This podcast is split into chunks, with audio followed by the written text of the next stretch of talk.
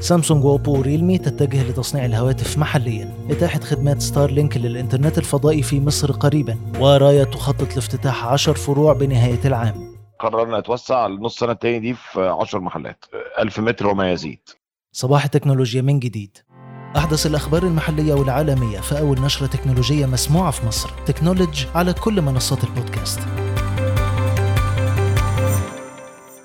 تكنولوجي بودكاست برعاية هيئة تنمية صناعة تكنولوجيا المعلومات إتيدا ومنصة أنغامي. علمت تكنولوجي من مصادرها أن شركات المحمول العالمية أوبو وريلمي وسامسونج بدأت بالفعل في دراسة التصنيع المحلي لهواتفها المحمولة لمواجهة الطلب على الهواتف في مصر واللي بيعاني من صعوبات بسبب وقف الاستيراد. من المتوقع أن تبدأ الشركات في التصنيع خلال النصف الثاني من 2022 إلى الإنترنت الفضائي وستار لينك المملوكة للملياردير إيلون ماسك اللي خدمتها هتكون متاحة قريبا في مصر قالت مصادر عاملة في السوق إن الشركة الأمريكية الأشهر في الإنترنت عبر الأقمار الصناعية حصلت على رخصة تشغيل تجريبي للخدمات. ومن المتوقع طرحها رسميا خلال شهور وتجدون على موقعنا تقرير شامل عن الإنترنت الفضائي. نوع جديد من التجارة الإلكترونية قائم على إجراء حوار بين البائع ومستخدمي منصات التسوق وهي التجارة الحوارية. ووفقا لدراسة صادرة عن زبوني و Checkout من المتوقع إن هي تسجل 400 مليار دولار في الشرق الأوسط بنسب إقناع 85% للمتسوقين عبر الإنترنت. تفاصيل أكتر في graph العدد. المهندس إيهاب نصر وكيل المحافظ المساعد لنظم الدفع بالبنك المركزي قال إن المركزي سيبدأ تفعيل خدمات الدفع عبر أبل باي وسامسونج باي بالسوق المحلية قريبا. وده في إطار خطة المجلس القومي للمدفوعات لتقليل الدفع الكاش وزيادة الاعتماد على المدفوعات الإلكترونية. كشف مؤشر الشمول المالي الصادر عن البنك الدولي لعام 2021 أن نسبة البالغين اللي عندهم حسابات بنكية في مصر تسجل 27% بينما تبلغ نسبة السيدات المالكات للحسابات البنكية حوالي 24% وأوضح أن 70% من مالكي الحسابات لم يقوموا من قبل بأي عملية باستخدام الكروت البنكية أو المدفوعات الإلكترونية. أظهرت دراسة صادرة عن ماستر كارد عن الحوالات الدولية للأموال إن محافظ المحمول استحوذت على 46% من عمليات تحويل الأموال الدولية من ناحية مرسلي الحوالات و52% لمستقبليها. بينما جاءت تطبيقات البنوك في المرتبة الثانية بحصة 37% من المرسلين و23% للمستقبلين. ثم تطبيقات المحمول التابعة لشركات تحويل الأموال اللي جذبت 33% من مرسلي الحوالات و21% من المستقبلين. جمعت الشركات الناشئة في الشرق الأوسط خلال النصف الأول من 2022 حوالي 1.7 من عشرة مليار دولار وده عبر تنفيذ 332 صفقة وجاءت الإمارات في المرتبة الأولى من قيم الاستثمارات بأكثر من 37% من تلك الاستثمارات ثم السعودية بحصة 32.4 من عشرة في المية واحتلت مصر المرتبة الثالثة بحوالي 18.3 من عشرة في المية أي ما يمثل 311 مليون دولار. مع بداية اليوم الأول من النصف الثاني من العام أعلنت شركة كريم استحواذها على ديناري لخدمات التكنولوجيا المالية لاستخدامها في خدمات كريم باي المستقبلية. اتصالات مصر بدأت إجراءات تغيير علامتها التجارية لتصبح اتصالات من إي أند ضمن خطة المجموعة الإماراتية اللي بدأت بالفعل في تغيير العلامة من شهور وبكده تنضم اتصالات لسلسلة تغيير العلامات التجارية في سوق المحمول المصري اللي بدأت من أكثر من عشر سنين مع تحويل كليك إلى فودافون وموبينيل إلى أورنج وخلق علامة تجارية للمصرية للاتصالات لخدمات المحمول باسم وي. بمناسبة الحديث عن شركات الاتصالات توقع مشغلو المحمول ارتفاع حجم التكاليف التشغيلية حوالي 15% خلال العام الجاري بسبب الأزمة العالمية وتحريك سعر الدولار خلال الفترة الماضية. وأكدوا أن الشركات بتعكف على دراسة تأثير ده على أسعار الخدمات المقدمة للمستخدمين خلال الفترة المقبلة.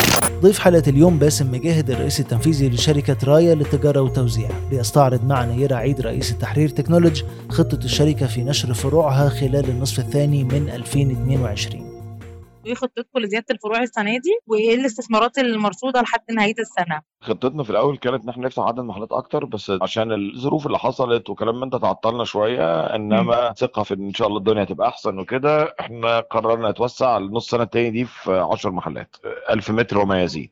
آه يعني mega store. كلها mega stores ومحلات ضخمة وكلام من ده كل ده اللي هنبدأ فيه إن شاء الله بدأنا بالمحل دوت لحد آخر July هيبقى فيه أربع محلات كمان. حجم الاستثمارات بقى اللي أنتوا راصدينها لحد نهاية السنة هتبقى حوالي قد إيه؟ بالحجم ده المحل تقريبا استثماراته تدخل في حوالي 20 مليون جنيه. ما إحنا بنتكلم في حوالي 200 مليون جنيه استثمارات ل 10 محلات من هنا لآخر السنة. كان عندنا خطة طموحة أكتر من كده. هويفر إن شاء الله بإذن الله السنة الجاية بقى نكملها. حققتوا السنة اللي فاتت لا، 7 لا، مليار. 7 مليار ونص. كان عندكم بقى مخطط السنة دي يبقوا 9 مليار. فهل متخيل إن إحنا نقدر نوصل للارقام دي ولا صعب؟ لا صعب. لا صعب. خلينا نسأل على الأماكن بقى. فتحتوا دلوقتي في منطقة شوية متوسطة فهيبقى الخطة اللي جاية إن شاء الله إن إحنا نفتح فين؟ وبقيه العشر فروع مستهدفينهم برضه يبقوا فين؟ قريب هنفتح ثلاثة ولا حاجة في القاهرة وبعد كده بقية التركيز هيبقى خارج القاهرة. الدلتا والصعيد. الدلتا أكتر شوية هنفتح في الشرقية والبحيرة. دول أول طيب. حاجة.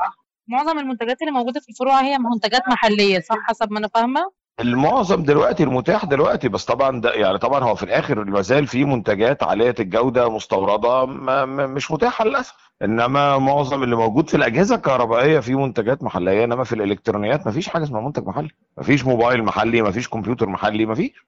إنما الأجهزة الكهربائية فيها منتج محلي معقول يعني. خططكم أنتوا بقى لتصنيع بعض المنتجات هل عندكم خطة خلال الفترة اللي جاية؟ لسه بندرس بس طبعا هنمشي مع توجه الدولة إن إحنا نحاول نعمق الصناعة شوية ونبدأ إحنا يكون عندنا صناعة محلية وعندنا قيمة مضافة حقيقية. هو ده مخرج مهم للبلد يعني. هنبدأ نعمل كده إن شاء الله.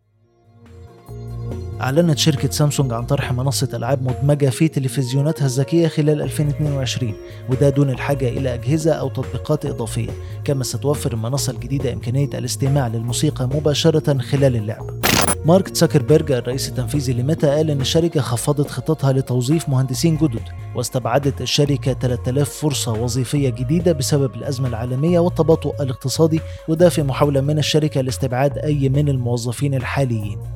بدأت منصة التواصل الاجتماعي سناب شات في طرح خدمات إضافية مدفوعة بقيمة 3 دولار و99 سنت بعد أن حققت تراجع في الإيرادات مع الأزمة العالمية وتأثيرها على قدرة المنصة على جذب الإعلانات اللي بتعد المصدر الأساسي لأرباحها. الخدمة متاحة في بعض الدول العربية منها السعودية والإمارات. تعرضت شركة OpenSea أحد أكبر منصات بيع الرموز غير القابلة للاستبدال NFT لتسريب كبير في بيانات عملائها وأجرى أكثر من 1.8 من عشرة مليون عميل عمليات بيع وشراء على المنصة خلال الفترة الماضية. أبل لم تتمكن حتى الآن من تصميم شرائح مودم 5G مما قد يتسبب في عودتها للاعتماد على كوالكوم كمورد لتلك الشرائح في موديلات هواتفها الجديدة لعام 2023 وده بعد خلاف كبير نشب بين الشركتين من ثلاث سنوات وانتهى بتسوية قضائية. كل عام وأنتم بخير بمناسبة عيد الأضحى المبارك ونلتقي مجددا إن شاء الله يوم الأحد 17 يوليو